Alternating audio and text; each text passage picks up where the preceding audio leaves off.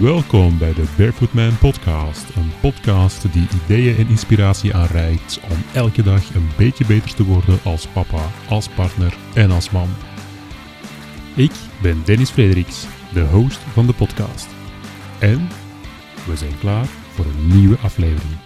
Hallo Barefoot Man. Welkom bij deze nieuwe aflevering van de Barefoot Man Podcast. Als het de eerste keer is dat je luistert, wel, dan ben je terechtgekomen op een lange aflevering. En in zo'n lange aflevering ga ik altijd in gesprek met iemand die heel gepassioneerd kan vertellen over een bepaald onderwerp of een bepaald thema. En dat zijn altijd thema's die jou als man beter kunnen maken in je mannenrol. Dus beter worden als papa, beter worden als partner, beter worden als man in totaliteit. En na zo'n volledige aflevering volgt er dan de week erna altijd een samenvatting van dat gesprek. En die samenvattingen zijn altijd heel handig als referentie om het thema nog eens even terug op te frissen voor jezelf. Of als je ze in omgekeerde volgorde beluistert, om via die samenvattingen even uit te maken van welke thema's zijn voor mij nu echt uh, handig of nuttig om naar de volledige aflevering te luisteren.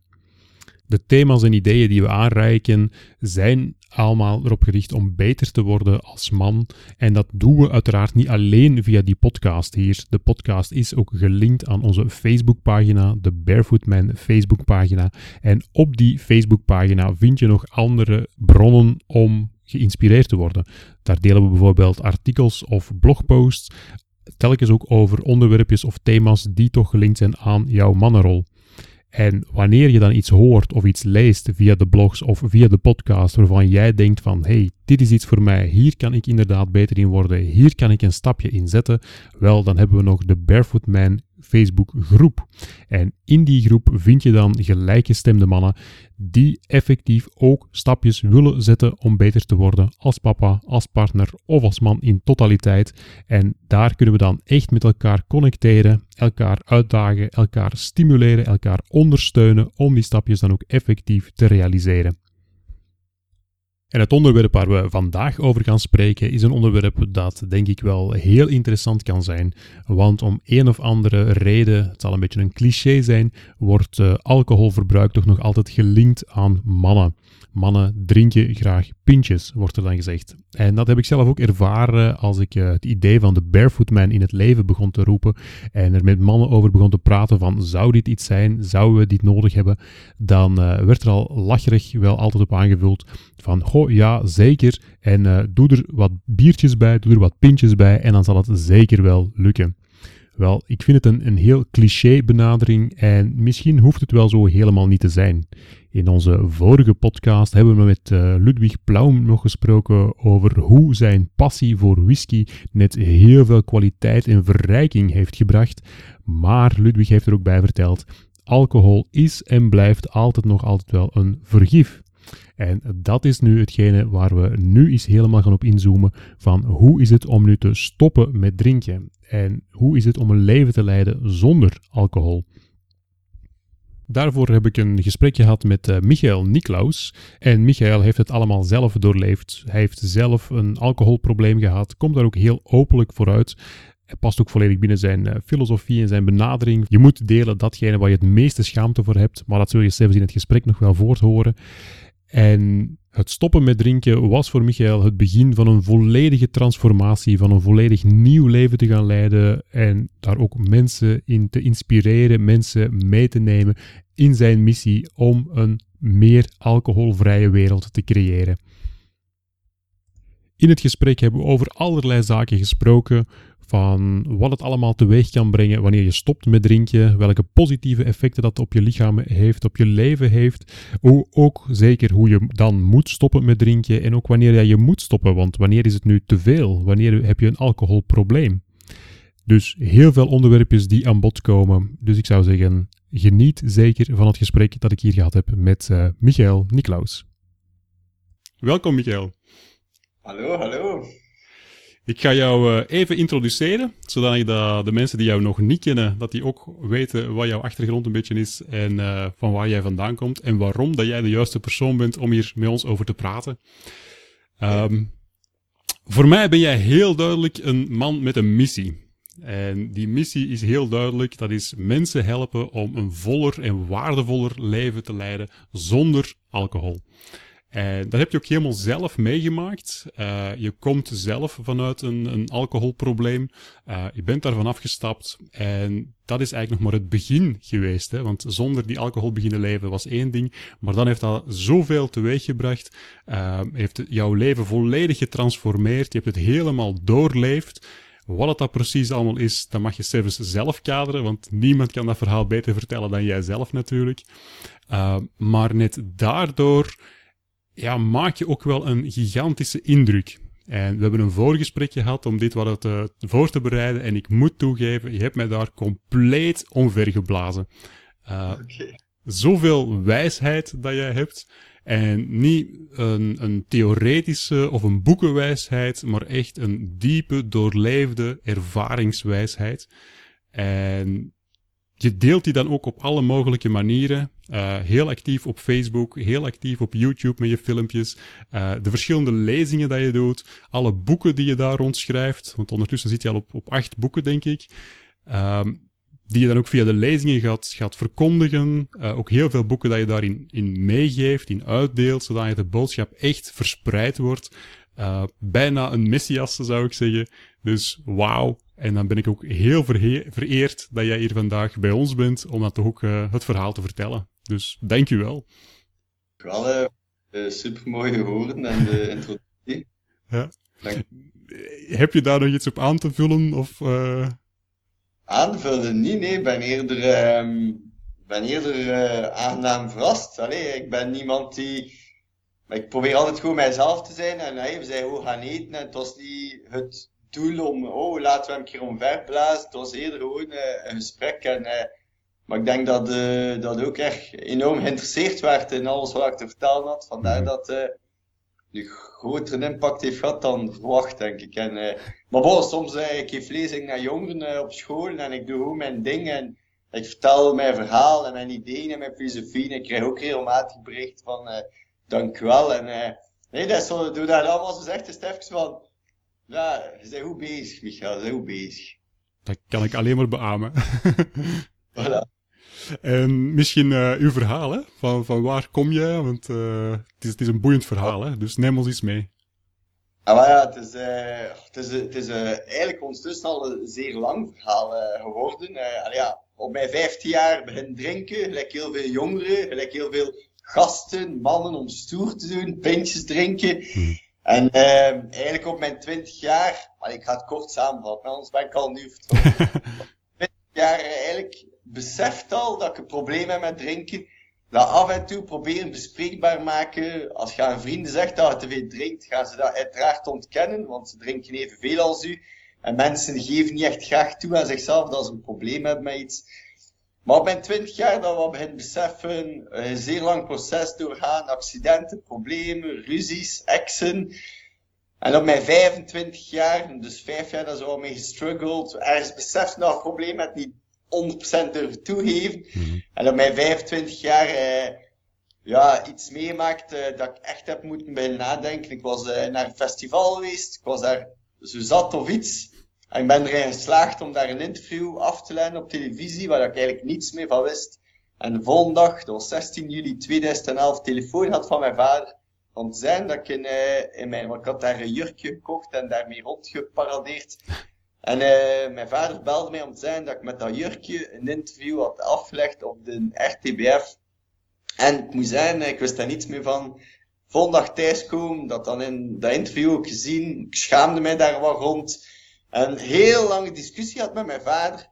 En dat is een van de eerste keer dat mijn vader in plaats van te, allee, te oordelen van je moet dat of je moet dat, hmm. heeft mij eigenlijk een vraag gesteld. En daar is eigenlijk de verandering van mijn leven begonnen. En de vraag was als volgt, was van Michael, zijn nu 25 jaar en nu, zijn 25 jaar het al zoveel dingen uitspook. Maar wat is eigenlijk uw doel in uw leven? Mm En die vraag vond ik gewoon, ja, zo boeiend, zo interessant. Ze is binnengekomen en ik ben eigenlijk met die vraag eigenlijk aan de slag gegaan.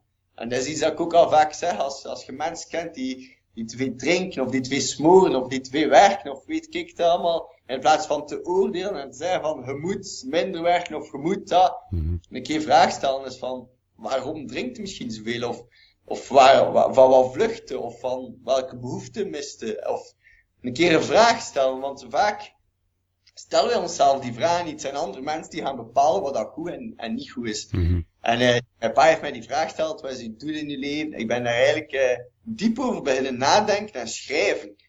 Ik ben echt beginnen, ik ben een blad beginnen nemen, ben beginnen schrijven, wat is mijn doel in mijn leven?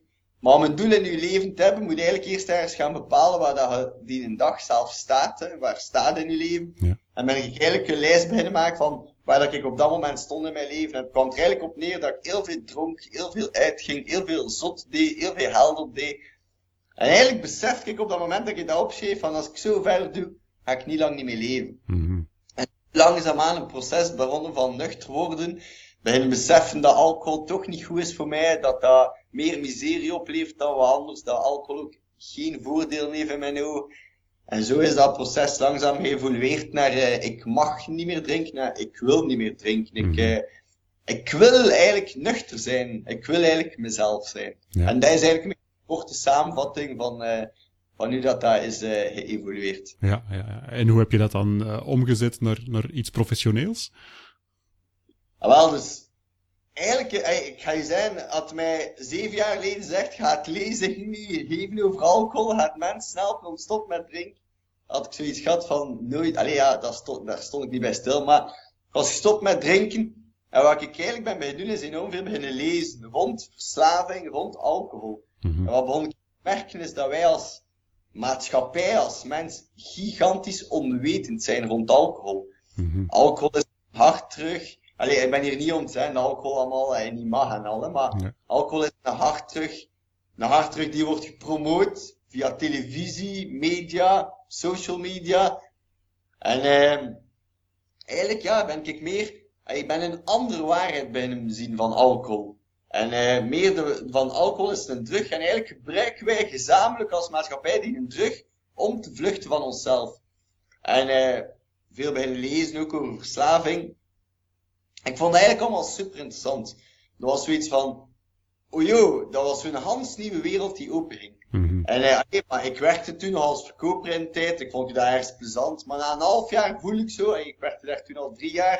Ik werd nuchter en na drie jaar en een half had ik het zo gehad. Ja. En eh, ik wou eigenlijk iets anders doen. Ik wou eh, ergens als coach werken, omdat ik zo vond toen, ja ja, maar ik weet dat ik weet niet dingen, ik kan mensen helpen. Mhm. En ben dan zo wat via via bij, bij Karel van de Velde Trainingsinstituut terechtgekomen. Ja. Hij is eh, vrij bekend in de ondernemerswereld.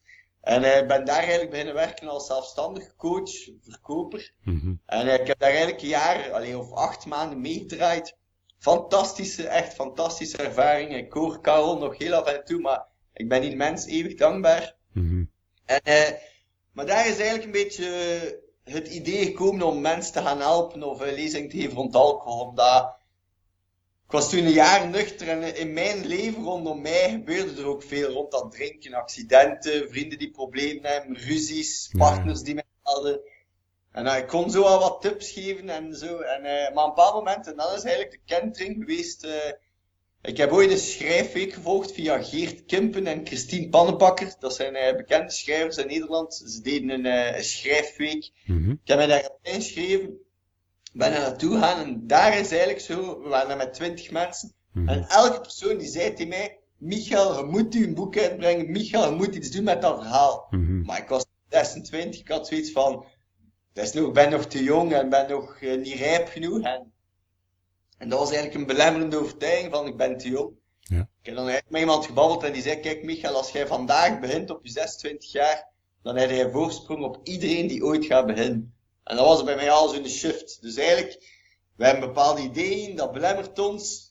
Het een ander perspectief en opeens kan het een motivator zijn om te starten. Wat dat eerst je demotiveert, kan opeens, wow, hey, eigenlijk is dat mega goed, ik ben nog zo jong. Ja. En, um, en zeker ook omdat ik dan het idee had om lezing te geven naar jongeren. Mijn leeftijd was daar, allee ja, goed in. Want als je naar het middelbaar gaat en die gast is 16, 17 jaar.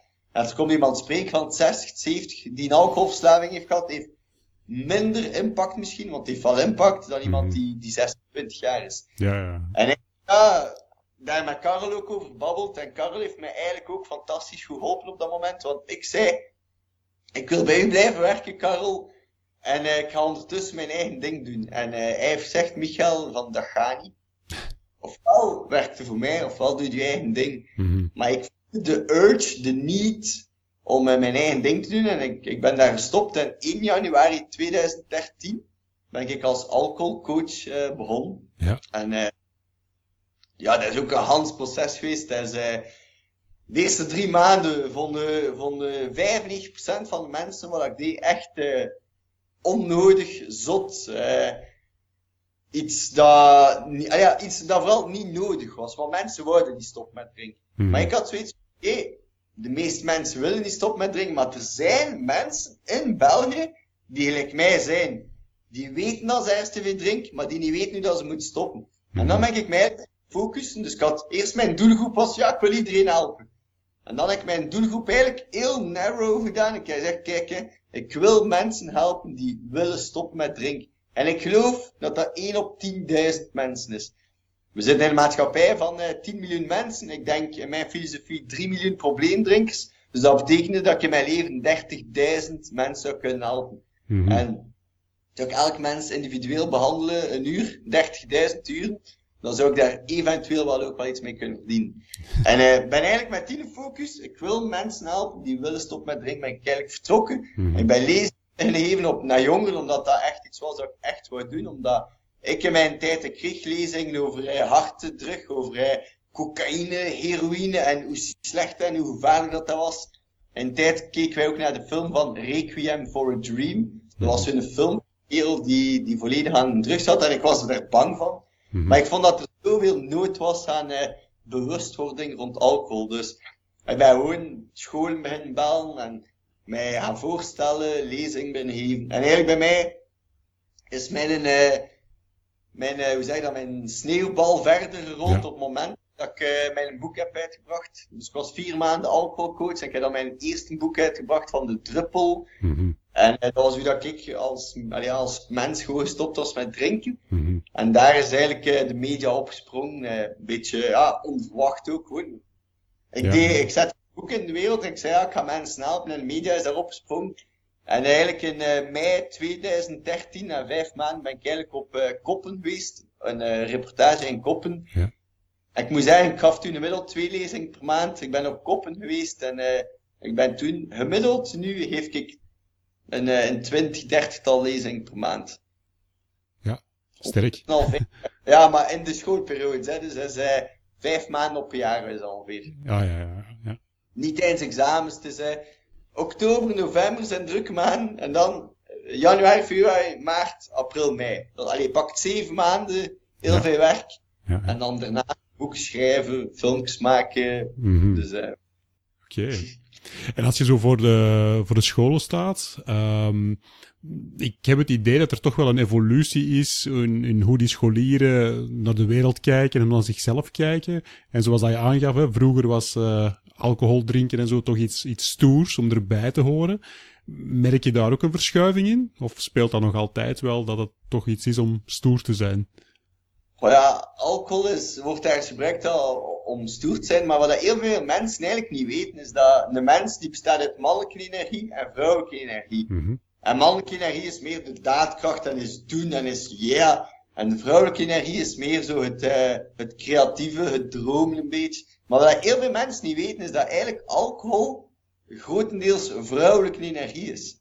Dus Mhm. mensen drinken ergens om stoer te zijn, maar als je pinten drinkt en al, dan zijn hij een beetje, gaat hij een beetje gaan zweven. Gaat hij een beetje meer dromen. Dus heel veel mensen weten dat die willen allemaal stoer zijn, maar ze drinken wel. En heel veel mannen, als ze dronken zijn, ben soms te wenen, worden emotioneel. Ja. Dus dan om over na te denken. En, ja, uh, scholieren, ja, ik denk dat er gewoon in het algemeen nog altijd veel wordt gedronken. Mhm. Maar eigenlijk gewoon omdat, omdat er nog altijd een grote onwetendheid blijft rond alcohol. Maar omdat ik zie alcohol niet als een, uh, als een, uh, een oorzaak of zo. Ik zie dat eerder een, een gevolg van een andere oorzaak. En wat denk ik, als, als ik echt kijk naar de kern, naar de kern van het probleem, denk Mhm. en uh, bij de mensen is dat, is dat mensen uh, niet naar elkaar luisteren echt. Mhm. En mensen hebben één en ze vertellen ze aan elkaar en mensen worden veel beoordeeld.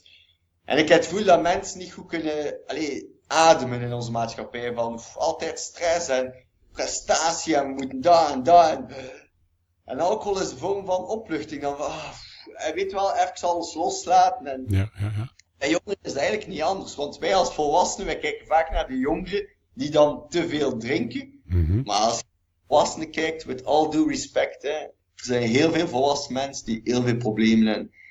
En het is gewoon, zij doen minder aan coma drinken, dat is wel een feit. Maar Mhm. heel veel mensen drinken veel alcohol. En wij als volwassenen, wij, wij leren het aan jongeren om te drinken. Want heel vaak, als jongeren de eerste keer wijn of bier drinken, zijn heel vaak jongeren, ik vind dat niet lekker. Ja. En wij als ouders, hè, maar moet dat leren drinken. Je Ja. moet dat leren appreciëren. En ik denk dat mijn ouders komen morgen een dag allemaal toevallig. En dat is, eh, en dat is eigenlijk goed. Dat ze, ze zijn ook een jaar gestopt met drinken nu. En Mhm. Eh, vertellen ook een beetje een verhaal van eh, hoe, hoe dat, dat met mij was om samen te leven. Maar ook zeggen ze ze- zelf van, ja, maar wij wisten niet hoe dat wij moeten omgaan met mensen die drinken. Wij wisten zelf ergens niet dat dat een probleem bijna kon zijn.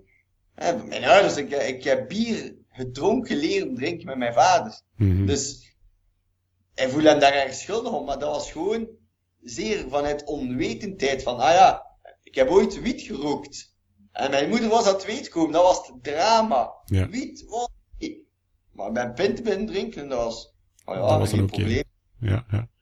En, Dus dit is al die wetendheid dat ik een beetje wil aanpakken. En ik ben ook niet zegt, ah, je mag wel drinken of je mag niet drinken. Iedereen die doet echt wat hij wil. En ik probeer gewoon te tonen in de wereld dat het anders kan. Mhm. Hoe hij dat volgt, ik niet, maar het kan anders. ja, ja. En, en wat is dan de, de grootste onwetendheid? De grootste onwetendheid rond alcohol Ja. is dat, dat dat niet zien als een drug. Aha. Wij, wij, wij, wij zien cocaïne, heroïne, ecstasy, speed als drug. Wow, gevaarlijk. We zijn er bang van. Maar alcohol, wij zien dat niet als een drug. Wij zien dat als een genotsmiddel. Dat is juist hetzelfde. Antidepressiva, in het algemeen, dat is drugs ook, hè. Dat is, dat is terug, hè. Dat is, hè. Je moet keer de bijwerking of de bijsluiter lezen van antidepressiva. Dat is ja. oké, hè. Ja. Maar wij zien dat, ah ja, maar de dokter schrijft dat voor, dus dat moet wel misschien goed zijn. Ik, ik heb er ook allemaal zeer veel bedenking bij. Ja. Waarom? Al die, die externe middelen doen ergens hetzelfde. Ze, ze verdoven ons manier van denken en we komen ergens in een andere wereld terecht. En Mhm. de meeste mensen hebben weerstand op dit heilig leven. Hè, resisting reality. Hè. En stel Mhm. bijvoorbeeld dat je vrijgezel bent en je wilde lief, kun je bijvoorbeeld wat ongeduld worden, ongeduldig worden. En dan resisten we de reality, maar het is ergens de kunst om, om eh, de zaak te aanvaarden. En heel veel mensen gaan, allee, zijn ergens geneigd om, om, om naar een andere wereld te, te vluchten, tussen aanhalingstekens. Ja, ja, ja. ja. Een beetje naar kijk en, eh, en zijn mensen zijn dan vaak, ja maar Micha, je mag toch één glas wijn drinken? En ik, ik zeg aan de mensen, één glas, geen probleem. Ik zeg, wanneer is de laatste keer dat hij één glas wijn gedronken hebt? Meeste mensen drinken eh, een halve fles wijn uit, of, allee, of met twee een fles wijn, of alleen. Dus ja, ja. veel meer dan zo, dan, dan zo denken. Ja, ja. En vanaf wanneer begint het dan problematisch te worden? Want ik herinner mij daar nog een, eh, een verhaal van, van in de studententijd. Eh, dan was er ook zo'n uitzending op Panorama geweest of zo rond alcoholverbruik en alcoholverslaving. En de dag daarachter in de studentenkring ja, werd er toch wel even over gepraat. Van, ho, ja, als we die aantallen bekijken, misschien hebben wij allemaal wel een probleem. Dus is, is daar ergens een, een maatstaf voor of, of, of een indicatie van wanneer heb je nu eigenlijk een probleem? Ja, maar de, de, de indicatie is dat je 10 alcoholconsumpties op een week mocht doen, hè. Mhm. Dat is de indicatie van de gezondheidsnorm. Maar mijn indicatie, ik ben er zeer duidelijk in. Waarom? Omdat dat eenvoudig, als je duidelijkheid hebt, dan kun je makkelijk onderscheid maken. En bij mij is het heel simpel. Als jij voelt dat als jij begint te drinken, dat je niet kunt stoppen met drinken, dan heb je voor mij, in mijn ogen, een probleem. Omdat je geen grens kunt stellen. Heel veel mensen drinken één glas, en dan twee, dan drie, dan vier, en zijn vertrokken. Mhm. En ik geloof echt dat heel veel mensen een probleem hebben met alcohol. Ja. Wat ik ook wel geloof, en dat is een beetje wat ik wel ben eh, geëvolueerd de laatste tijd, is uh, hoe beter dat je zelf kent als mens, hoe beter dat je behoeften zijn vervuld, hè, we zullen er misschien zelfs nog over hebben, Ja, ja. hoe, hoe beter dat je misschien kunt omgaan met alcohol, omdat je zo ook dan beter naar je lichaam luistert en misschien na twee glazen wijn zei je echt van, oh, het is oké, het, is, het is genoeg geweest. Ja. Maar mensen hè, drinken ergens om, om even uh, in een andere, in een roest terecht te komen. Dus uh, ja. en je kunt dat, je drinkt, als jij vijf glazen wijn drinkt op na, dan zeg je, zeg je zo zat of nee. Hè. Ik denk dat, dat, dat je vooral moet afvragen als je bijvoorbeeld zelf alcohol drinkt, is, is van waarom doe ik dat nu? Heb ik dat nodig? Is dat, is dat iets op? Ik wil mensen stil laten staan bij hun eigen gebruik. Mm Ik weet niet of je zelf veel of weinig drinkt. We hebben elkaar twee weken geleden gezien. Heb je nog gedronken of niet bijvoorbeeld? Nee, omwille van een medische oorzaak mag ik nooit alcohol drinken. Uh, ah, okay. Dus voor mij is dat een uitgesloten iets. Hè? Maar, maar. maar dat wist ik niet, maar inderdaad. Maar veel mensen staan er ergens niet bij stil bij, bij wat ze drinken. En ik, ik geloof echt dat heel veel mensen een probleem hebben met alcohol. Heel ja. veel. Ja, ja, ja. En de belangrijkste indicatie is dan eigenlijk van hoe hard heb je het zelf nog in de hand? Weet, weet wat ik altijd zeg? Elk mens die weet dat voor zijn eigen. Ja. Uh, ja, ik, ik, ga je zeggen, hè, ik weet eigenlijk al van mijn 16 jaar dat ik heb met alcohol. Mm. Want elke keer als ik dronk, was ik zat. En, oké, okay, ja, ik, ik heb dan nog zo, ah ja, mocht toen in tijd, als ik 16 jaar was, mocht je nog 28 eenheden alcohol per week, eh, per week drinken. Ja, ja. Ik zat zelf nog over, hè, maar ik zat ja. zo, ah ja, ik zit niet veel over, Savan nog. Ja. Maar je weet dat. Elk mens die te veel drinkt, die weet dat, maar die is bang om dat los te laten, omdat hij bang is dat hij iets gaat missen, dat hij mm. misschien het leven niet meer aan kan, dat de... Ja, het is, het is een Hans proces ook, ja, nuchter worden. En, en wat is daar de, de belangrijkste stap hè, voor mensen die het dan effectief realiseren? Um, hoe, hoe begin je daaraan? Ik zou zeggen aan mensen die, die, die het idee hebben dat ze misschien te veel drinken, is eigenlijk uh, kennis opdoen. Mm -hmm. Dus uh, lezen er rond en uh, andere inzichten er rond krijgen. En, en boeddhisme zegt, allee, Boeddha zegt, al het lijden komt uit onwetendheid. En ik denk dat daar de kunst is, is om, uh, om veel bij te leren. Het is niet dat het onmiddellijk gaat stoppen, hè, maar hij gaat andere inzichten krijgen. Gaat zoiets hebben van, ah ja, eigenlijk. Hey, bijvoorbeeld een van de dingen dat ik aanhaal in vaak film, in films is, we geven geen alcohol aan kinderen. Mm -hmm. Omdat kinderen tot en met 10 jaar geven wij geen alcohol, omdat wij weten dat dat super slecht is. Dat daar ergens een verhif is, dat mensen er ziek van worden. En tot ons 10 jaar is dat not done. Maar opeens worden wij 13, 14, 15 jaar. En dan is dat wel oké. Okay. Als vrouwen zwanger zijn, drinken die geen alcohol. Waarom? Omdat ze weten dat dat niet goed is voor hen. Niet goed is voor de baby. Maar dus eigenlijk heel veel mensen weten al heel veel rond alcohol. Ik, ik herinner misschien de mensen aan een andere waarheid in het leven. Mm -hmm. Maar kennis opdoen, een keer daarover praten. Ik ben een vrij groot fan van uh, zet, u, uh, zet u de dingen waar je het meest over schaamt, moet je gewoon op Facebook zetten. Dan uh, hebt die schaamte een beetje weg. En uh, dat zijn bijvoorbeeld bepaalde stappen dat je kunt doen. Maar ik heb bijvoorbeeld zelf verschillende boeken geschreven. Ik heb ja. video's op YouTube. Ik heb uh, online programma's, ik heb zelf ook goeroes, dus aanstekens waar ik ben bij geweest, waar ik veel van geleerd heb. Jan Geurts bijvoorbeeld, mm -hmm. Vera Helleman. Zijn mensen die, die heel interessante dingen doen in Nederland. En ja, ja u met, met andere inzicht, met andere wijsheid. Ja. ja, en zoals dat je, dat je aangehaald, hè, van, uh, het is natuurlijk een begin geweest voor uzelf, het alcoholvrij worden. Uh, maar dan daarachter is er nog heel veel gebeurd, een volledige omslag dat je helemaal hebt doorgemaakt. Um, ja, misschien kun je daar ook iets over vertellen, ons eens meenemen wat, er nog allemaal getransformeerd is.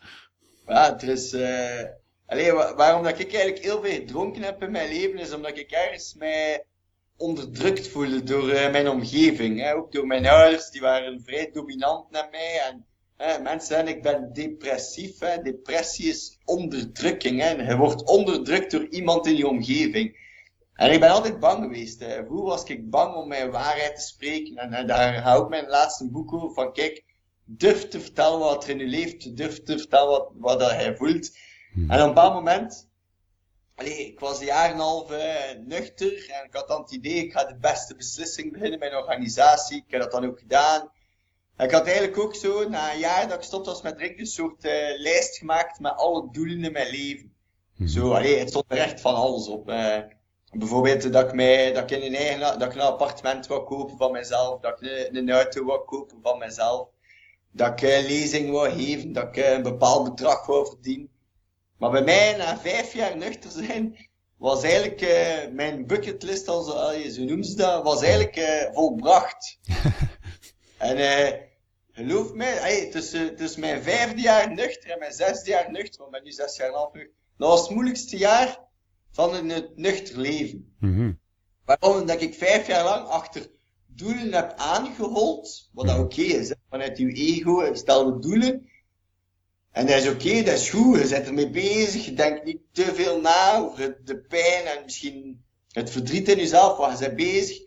Maar als je op een bepaald moment alles bereikt hebt, ja, dan zit wel in de, ja, dan zit wel uh, zoiets van oei. Ja. En wat nu? Ja. Ik ken ook, in een van mijn boeken heb ik dat zo ook geschreven, het wat nu moment. Elke mens komt er wel een keer tegen zo. En wat nu? En uh, ja, dan, uh, dan ben ik eigenlijk in contact gekomen met een therapeut omdat ik dat voelde van, kijk, ik heb zoveel dingen verwezenlijkt, Mm -hmm. maar toch heb ik nog ergens een bepaalde leegte, een bepaald verdriet, een bepaalde zwaarte. Mensen zeggen soms, ik voel een leegte, maar bij mij was dat eerder soms een zwaarte, een, een druk. En, mm -hmm. ja, dat, ik wist niet goed wat dat was. En, en zo ben ik eigenlijk in therapie beginnen gaan, bij, bij Ken Heilen noemde die man. Mm -hmm. En uh, ik denk dat ik op jaar en een half een zestigtal sessies staan. Altijd van twee uur. Ja. En ik ben heel veel beginnen leren over, uh, over dat wij eigenlijk als mens uh, allemaal ergens een, een soort innerlijk kind in ons hebben. Dat wij allemaal diepe emoties, behoeften hebben. En zolang dat we die, van die diepe emoties blijven weglopen, dat wij niet ons gaan helen. Mm -hmm. En eigenlijk wat ik ben beginnen doen, is eigenlijk uh, echt gaan luisteren. Hè? Luisteren naar, naar die diepe behoeftes dat ik had. En bijvoorbeeld, een van die diepe behoeftes was in mijn vijf jaar dat ik was, was ik best wel eenzaam geweest. Omdat, ja, je denkt anders na, je ziet de dingen anders dan de meeste mensen. En ik heb mij veel eenzaam gevoeld en ik heb dat zo nooit ergens durven toegeven. Dat was altijd zo, als ik filmpjes online zet, was altijd, ja, alcohol en na. Mm -hmm. Maar ik was best wel uh, eenzaam. Uh, ik was soms best ook wel uh, aan het verlangen naar liefde, maar ik zei dat ook niet van, hoe nee, we gaan mensen. En eigenlijk is dat jaar, de, laatste jaar en een half een proces geweest van uh, die diepe emoties dat dat kind in ons draagt, om die eigenlijk naar te gaan luisteren en die ook te geven wat hij nodig hebt. Mm -hmm. En zo is het ook verder geëvolueerd en zo ben ik ergens heler geworden. Ik voel dat. En um, mm -hmm. ja, maar ik zeg, dat is een Hans proces geweest en uh, ik heb me eigenlijk vooral de laatste zes jaar en een half bezig gehouden met, alleen met mijn organisatie in de wereld te zetten, ja. maar eigenlijk mij ook los te maken op energetisch vlak van mijn ouders. Mm -hmm. Ooit heeft mij de vraag gesteld, stel dat je pa morgen zou sterven, wat zou dat doen met u? En bij mij, dat was van, wow, miljarden, ik kan nog vast aan dat, dat, dat. En ik ook zo, in mijn boek staat ook, de, het, de spinnenweb van mijn ouders. Mm -hmm. Ik was op dertien mogelijke manieren verbonden met hen. Ik kreeg af en toe geld van hen, ik kreeg met een auto, ik woonde in Nijs, uh, ik zat in een BVBA met mijn vader, en dat waren allemaal punten dat ik aan vasthing. Mm -hmm eigenlijk stap voor stap, pakt om de twee maanden, heb ik er één losgemaakt. Ja. En mijn moeder stuurde mijn boeken op. Oké, okay, mijn moeder uh, moet mijn boek niet meer opsturen. Mijn vader deed mijn boekhouding. Ik ga een andere boekhouder zoeken.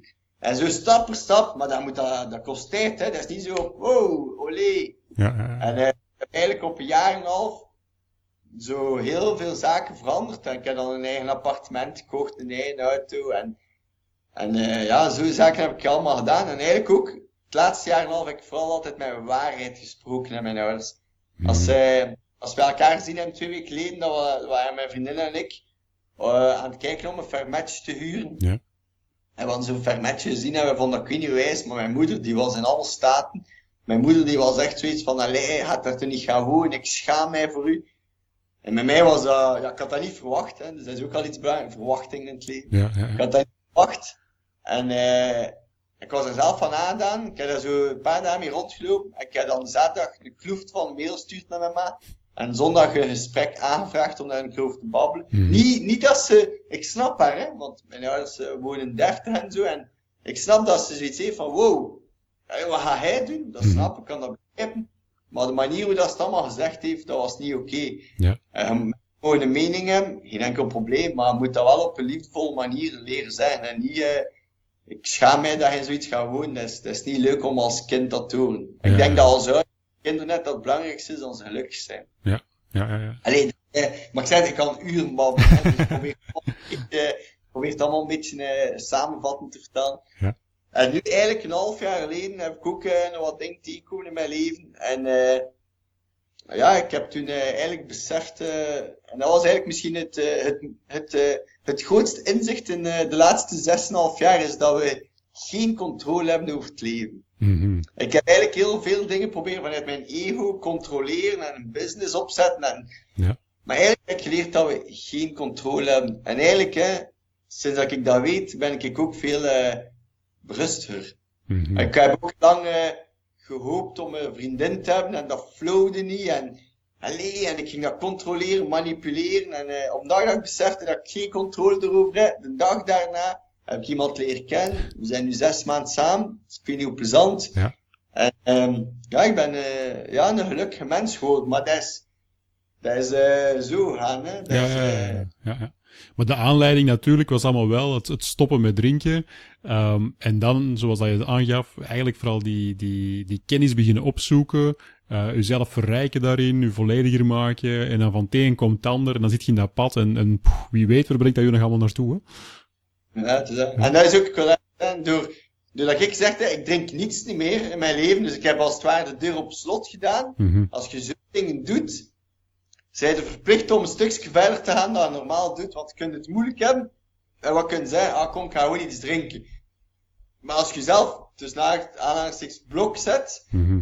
ja, dat, eh, ja, zit in miserie, hè, want je kunt niet meer drinken. Dus je bent verplicht om andere dingen te gaan zoeken. Ja. En dat is iets dat, dat eigenlijk, waar ik het meest bang voor was, van, ik ga nooit meer kunnen drinken, is eigenlijk ook mijn motivator vaak geweest van, ah ja, oké, wow, nu zit ik echt wel vast, wat moet ik nu doen? Mhm. Hè, bijvoorbeeld, eh, nu momenteel, ik zit zo in mijn eh, organisatie en, en dat loopt allemaal de beste beslissingen. Ik heb mijn lezing, ik help mensen.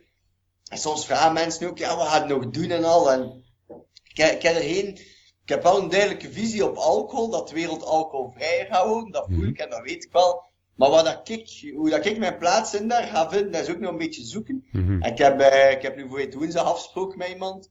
En ik ga daar een keer over babbelen. En misschien gaat ze mij wel wat inzicht geven. Of ga ik de dingen anders zien. En als ik zo'n beetje vast zit of ik weet niet, dan ga ik op zoek naar kennis buiten mij. Of dingen buiten mij.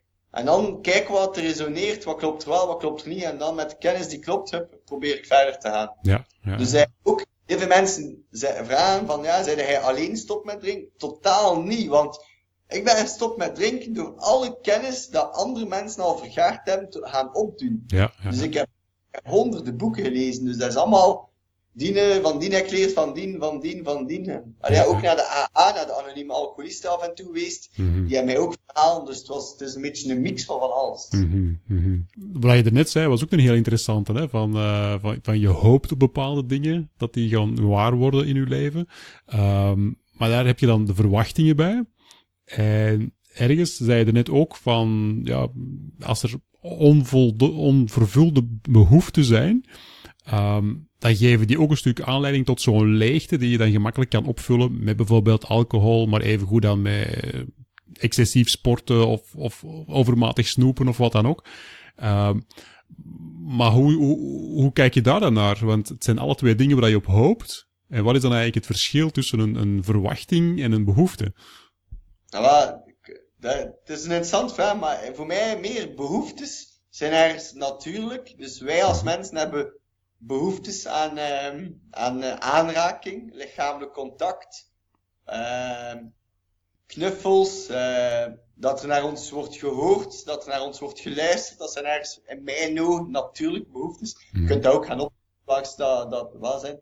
En dan hebben wij ook wensen. En dat is iets eigenlijk extra op de behoeftes Mhm. denk ik. En eh, we mogen wensen hebben, maar wat ik eigenlijk gedaan heb de voorbije jaren, maar dat is ook een proces, is eigenlijk eh, wat dat ook, dus jij vertelde een bepaalde verwachting. Bijvoorbeeld, ik had daar die discussie met mijn moeder over dat fermetje, en ik heb gezegd aan mijn moeder, kijk, ik vind dat niet oké dat hij zo reageert. Ik Mhm. vind dat niet oké omdat, omdat dat mij kwetst, omdat dat gelijk het gevoel is dat hij mij het geluk niet gunt. Dus Mhm. ik heb gezegd wat ik wou, ik heb mijn wens uitgesproken dat ik ook misschien wil dat ze liefdevoller reageert. Als zij liefdevoller reageert, ze voor mij, ze weet het beter. Maar als zij blijft hard zijn, dat is ook haar stuk.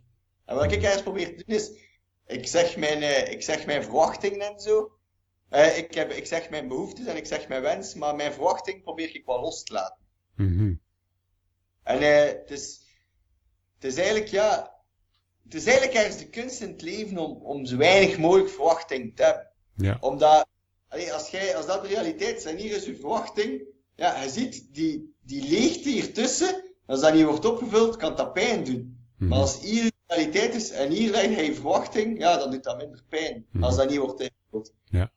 Maar het is een proces, maar in het algemeen, ik ga je zeggen, ik heb eh, niet meer zoveel verwachtingen van mensen, van mijzelf. Hè. Dat is misschien ook eh, het begin van heel veel zaken. Mhm. En eh, ik heb zoiets van, alles is oké. Ja. Eh, wat dat ook gebeurt, de universe gaat ons altijd geven wat we nodig hebben. Mhm. Dus we kunnen daar tegen vechten, we kunnen daar van alles tegen doen, maar op zich is het beter dat je je zo snel mogelijk overgeeft aan het pad dat voor u is bewandeld, alleen voorbewandeld. Ja, ja. ja. En, ehm, als ik in mijn therapie ging, zei vaak mijn therapeut, Michael, geef u over aan God. Ik werd daar zot van, hè, van die zin, geef u over. Ja, maar hoe doe je dat, hoe doe je dat? En ik ben dat beginnen begrijpen. En hoe doe je dat? Door eigenlijk de realiteit dat voor zich, dat u voordoet, te aanvaarden. Er was een programma op eh, televisie, op Taboe. Eh, en dat ging over eh Goebbels, die een tijdje met, met mensen heeft samenwoond in, een, in zijn villa daar in Frankrijk, of ik weet niet wat, met vier mensen met beperking. Mhm. En een van die vier mensen ken ik vrij goed, en dat is Thibaut Sprengers. Hij is eh, vroeger eh, een beetje een maat geweest van mij, en hij is ooit uit een hotelkamer gevallen, hij is zijn been verloren. Ja. En ehm, hij was op tv gisteren, maar jij heeft vrij snel dat aanvaard. De top is niet simpel hè, om te aanvaarden, Ja, maar hij heeft dat snel aanvaard en hij gaat op zich doen met een goede vibe door het leven. Mhm. Omdat hij dat snel aanvaard heeft. Mhm. En eh, je kunt daar, oh nee, je kunt elke dag opstaan, oh nee, bij mijn been, kunt bij mijn been kwijt. Let op, het is niet makkelijk, hè, maar hoe sneller dat ding aanvaardt, hè, hoe makkelijker dat je leven is. En dat is iets dat ik heel lang mij ook heb tegen verzet. Ja, ja, ja. Hoe sneller dat dat je aanvaardt dat je een probleem hebt met alcohol, hoe sneller dat je dat gaat kunnen loslaten. Maar vanuit ons ego, vanuit ons schaamte gaan we zeggen, nee, nee, dat is niet waar, dat klopt niet. En ergens is het kunst om je ego dan op die manier te kunnen loslaten. ja. Heel veel mensen slaaf van hun ego. En hun ego zijn al die verwachtingen. Mhm. En als je kijkt naar de wereld, hè, we willen altijd meer. Mhm. Stel dat jij 10.000 euro per maand verdient. Hè. Veel mensen van, nee, nee, nee, meer. Ik wil eh, 20.000 en ik wil dat. Ik ga je zeggen, hè, ik ga waarschijnlijk van dit jaar, voor de eerste keer in vijf jaar, hey, ik weet het niet, hè, kans is zeer groot dat ik minder ga verdienen dan de voorbije jaren. Waarom? Omdat ik een beetje anders wil leven. Ik wil meer tijd spenderen met mijn vriendin. Ik wil de dingen wat anders doen.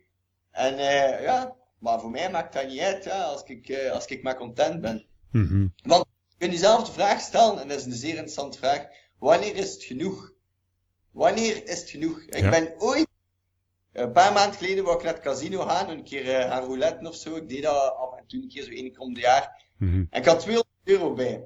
Ik, ik heb mijzelf echt de vraag gesteld, oké Michael, wanneer ga jij het casino gaan? Als je 400 euro hebt, wanneer wat? 800? Wanneer? Dat is niets wat. 1600? Nee. 3000? Nee. Dan kwam ik aan 6000. Hmm, allee, 12.000 euro, dan zou ik stoppen. Mhm. Snap je?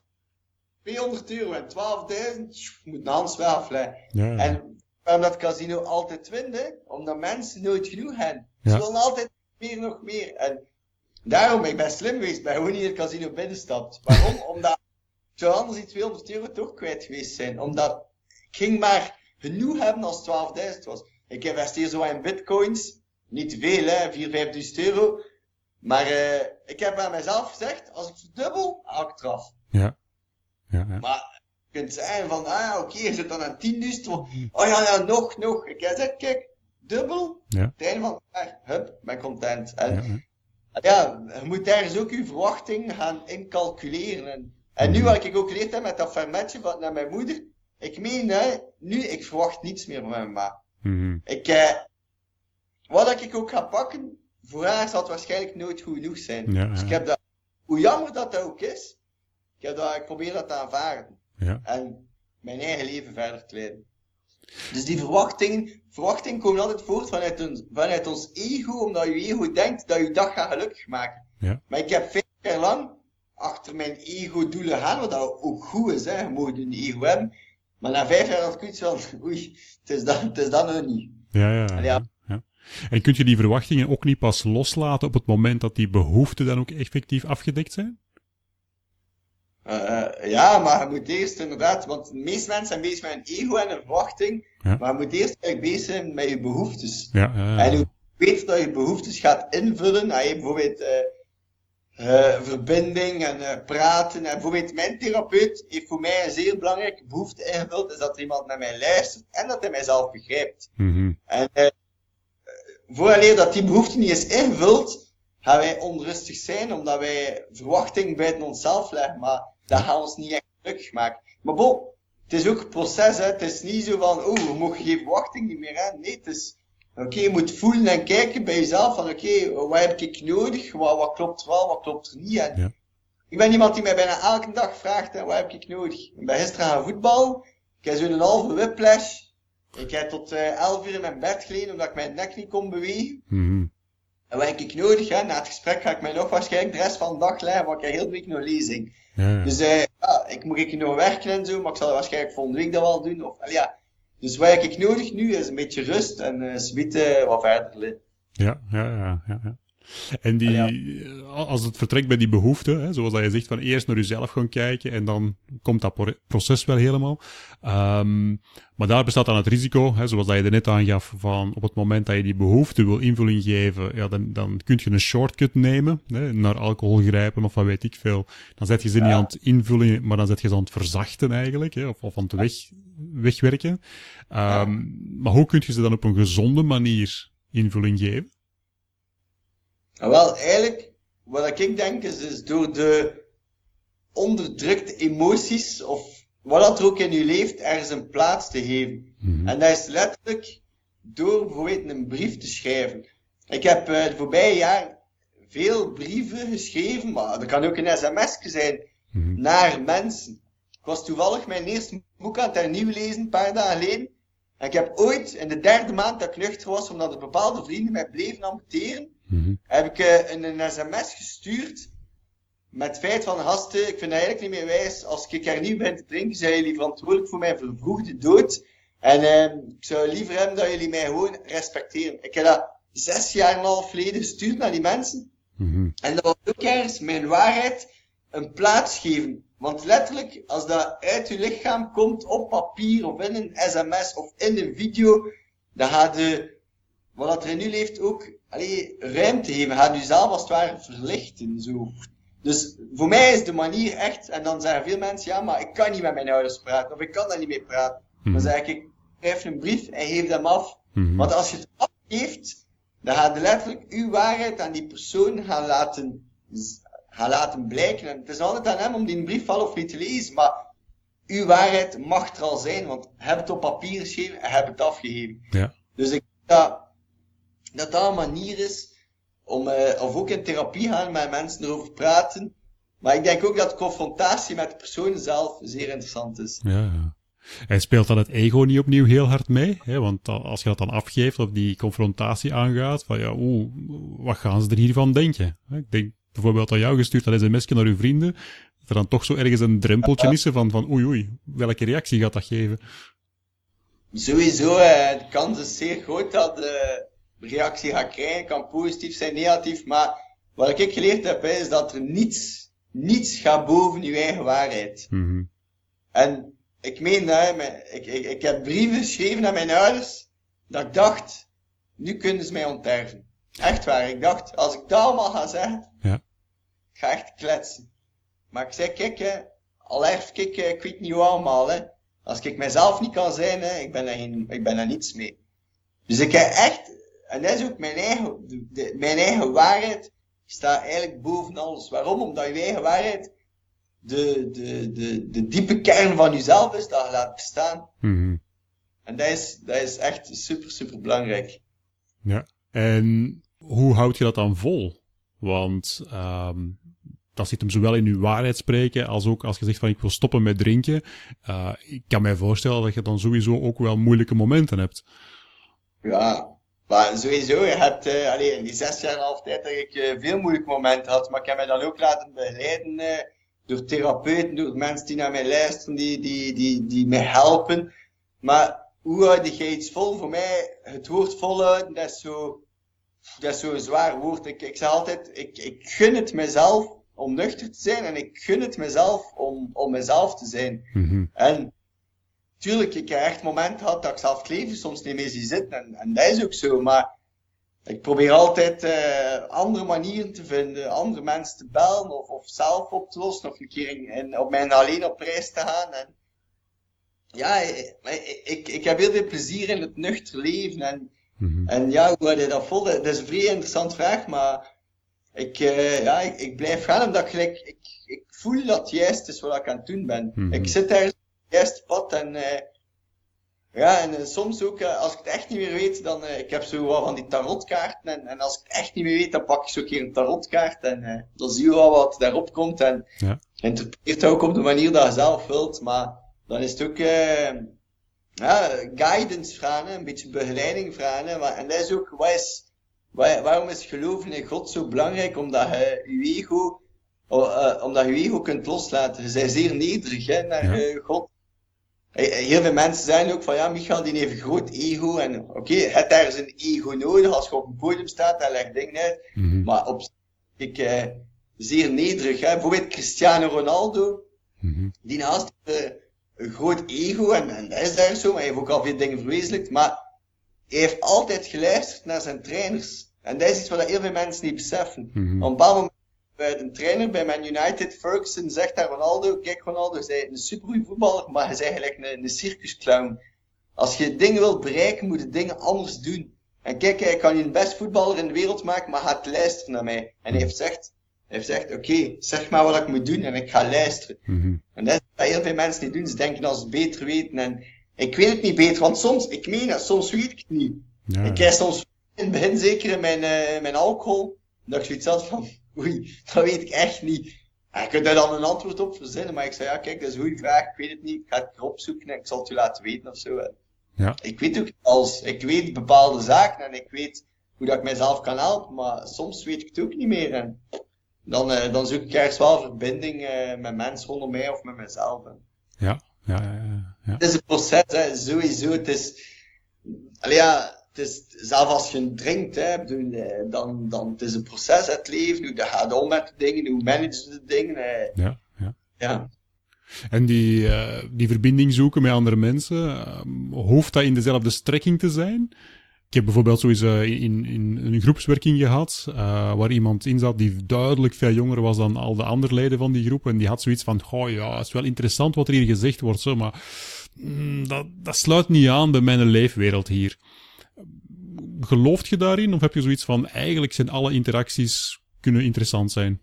Ja, nee, maar sowieso, alle interacties kunnen interessant zijn, sowieso. Mhm. Maar uh, je moet ook voelen wat dat er klopt. Uh, bijvoorbeeld, uh, het eerste jaar dat ik in nuchter was, ben ik nog heel veel uit geweest. Mhm. En dat was proberen die verbinding in stand te houden, maar op een bepaald moment besefte dat je in een andere wereld leeft. Als je nuchter het leven gaat, dan kun je niet tot vijf uur 's morgens ergens staan, omdat, uh, omdat dat gewoon niet gaat, omdat je al de mensen rare dingen ziet doen. Mhm. En ik heb daar enorm veel uit geleerd, uit al die ervaring, nuchter en mijn vrienden die zat zijn. Maar op een bepaald moment is het ook goed geweest en het is van, oké, het is tijd voor andere mensen. En, ik heb ik ook samen met u gezeten.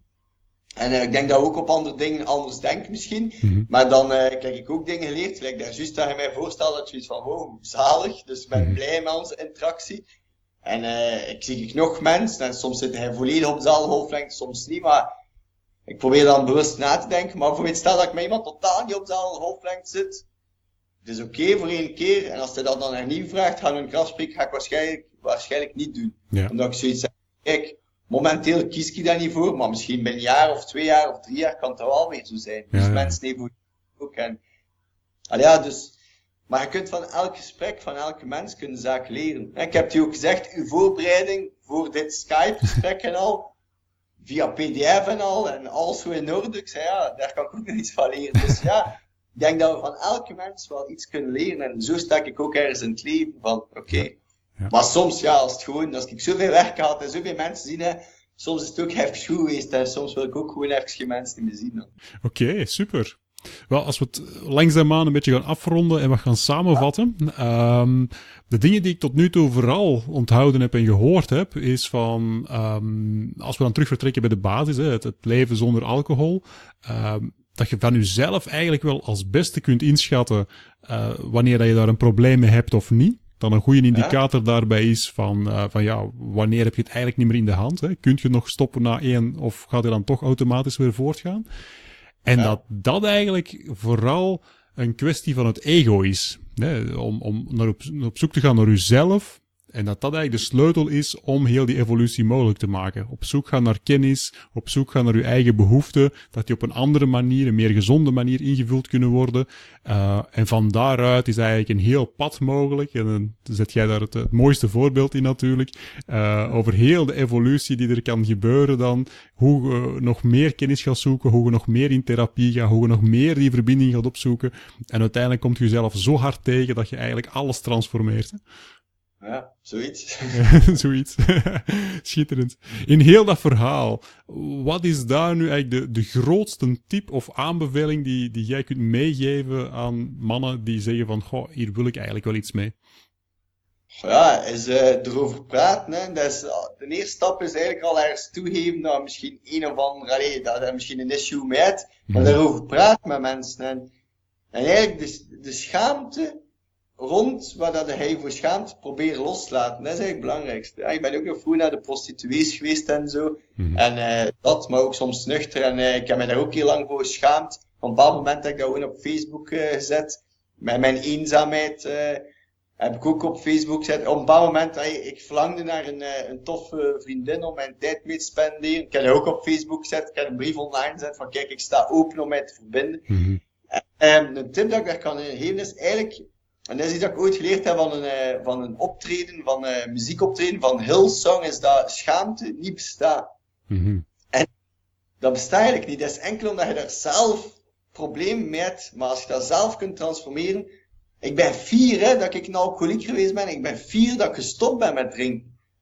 Maar het zijn veel mensen, oh nee, ik ben een alcoholprobleem, anoniem blijven. Nee, nee, ik ja. ben fier dat ik dat doorleefd heb. Ik ben fier op wie dat ik vandaag ben. En dat is iets dat van schaamte naar fierheid. Dat is eigenlijk super belangrijk. Mm -hmm. Ik denk dat dat ook een hele moeilijke is.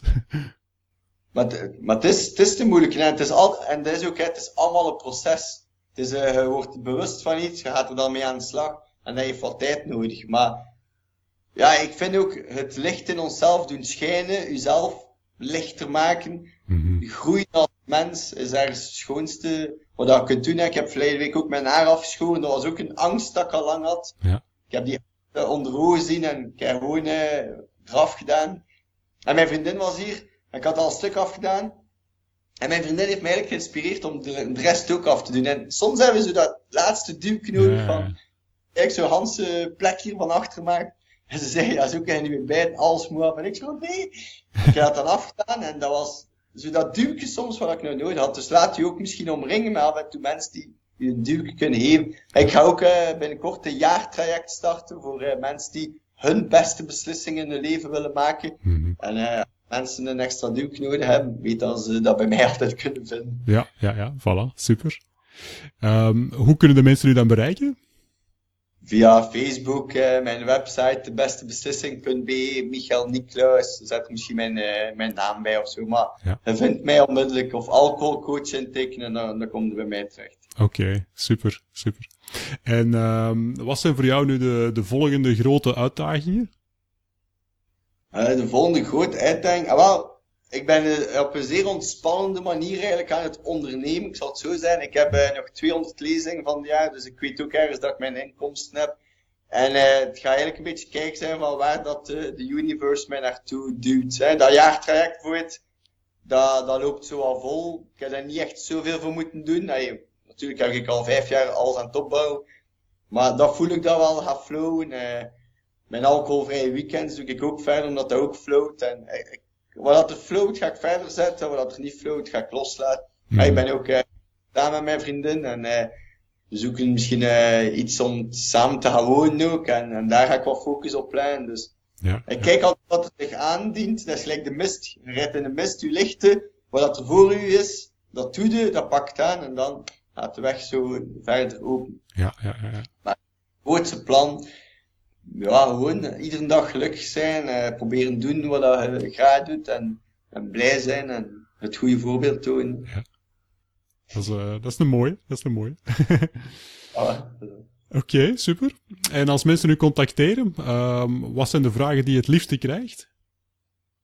Um, ja, dat was, dat was ook uh, een, een, het die vraag ook zo mij doorsturen, maar ik vind dat een moeilijk, omdat mensen hebben mij al zodanig veel gevraagd. En wat ik zo ooit wel vrij vond, ik ben zo een keer geïnterviewd door de morgen. Mm -hmm. En dat was maar zo is van, ah, en uh, waarom zij stopt met drinken en dat. En, de, en zo, die vrouw van de morgen, die had zo allemaal andere vragen. Ik vond dat wel wijs zo. En omdat mij daar ook wat diep te nadenken. Maar zo, wat is de vraag dat, dat ze mij nooit stellen of zo? Dat, ik weet dat niet. Ik vind dat gewoon leuk om te praten over wat er zich aandient. En ja, soms op LinkedIn ook. Eh, soms krijgen mensen, stellen mensen mij zo vragen dat ik zoiets heb van, oké, okay, dat interessant. Ja.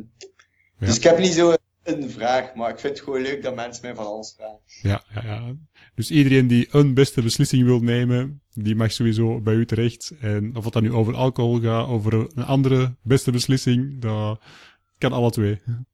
Ja, het zal wel. Is, uh, wel, ik, ergens, ik heb ergens een, een gave of een talent en ik kan eigenlijk voelen uh, bij mensen wat, wat dat er klopt en wat er niet klopt. Mm -hmm. Dus als mensen, bijvoorbeeld, ik zeg niet maar iets, uh, ze willen dat in de wereld zetten en dat flow niet. Ik kan zo voelen van, oké, okay, klopt dat of klopt dat niet. Gelijk jij, we hebben elkaar gezien. Ja. Uw man, ik voel dat er daar nood aan is. Ja. Ik voel dat dat ook ergens klopt. Oké, okay, dat hij nog zijn vorm moet krijgen en al, maar ik geloof dat er daar nood aan is. Is dat op uw manier dat dat gaat zijn? Dat weet ik niet, maar ik weet wel dat er nood is. En dat, dat mensen en mannen kwetsbaarder met elkaar mogen zijn. En, ja. Dus dat, dat, is, dat voel ik wel.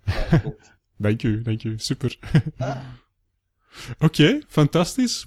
Um, maar ik denk dat we een leuk gesprekje gehad hebben. Dat er veel interessante onderwerpjes naar boven zijn gekomen. Um, dus, Michael, enorm bedankt voor ons gesprek. Um, graag gedaan. Zeer aangenaam en dank wel ook voor uh, uw openheid en uh, uw zeer interessante, leergierige manier van interviewen. Dankjewel. dat is graag gedaan. Ik hoop dat we er uh, allemaal beter van worden. Hè? Dus dat is de bedoeling. Ja. Oké, okay, super. En tot binnenkort dan. Salut, hè. Jo. Bye. Zo, dat was het gesprek met Michael over de stap zetten naar een leven zonder alcohol en de effecten die dat dan heeft op gans jouw leven en de ontdekking van jezelf en dan de transformatie die daar ook helemaal bij hoort. Ik hoop dat het jou kan inspireren en jou kan aanzetten om zelf ook veel minder alcohol te gaan verbruiken. Misschien zelfs er ook helemaal mee te stoppen en dat je dan ook dezelfde effecten mag ervaren in je eigen ontwikkeling. Zoals in het begin al aangehaald, deze podcast kadert natuurlijk in een groter geheel, een groter geheel van mannen inspireren en ideeën aanreiken om zelf het initiatief te nemen, zelf die stapjes te zetten om beter te worden als man, als papa, als partner. En daarvoor hebben we niet alleen deze podcast, maar we hebben ook de Facebookpagina waar we ook nog andere bronnen hebben om ideeën en inspiratie aan te reiken, zoals blogposts enzovoort. En natuurlijk, als je daar dan zaken uitpikt en zegt van daar wil ik nu echt iets mee doen, dan hebben we uiteraard nog de Barefoot Man groep, de Facebook groep. En daar kun je toetreden om dan uh, accountability partners te vinden, mannen die jou kunnen stimuleren en kunnen uitdagen om samen die stappen te zetten naar een betere man te zijn in jouw leven.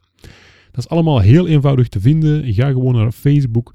In het zoekvakje bovenaan tik je dan in Barefoot Man en gegarandeerd dat je dan zowel de pagina als de groep zal terugvinden ook via Google gewoon Barefoot Man groep intikken en gegarandeerd dat het wel binnen één van jouw search results zal staan.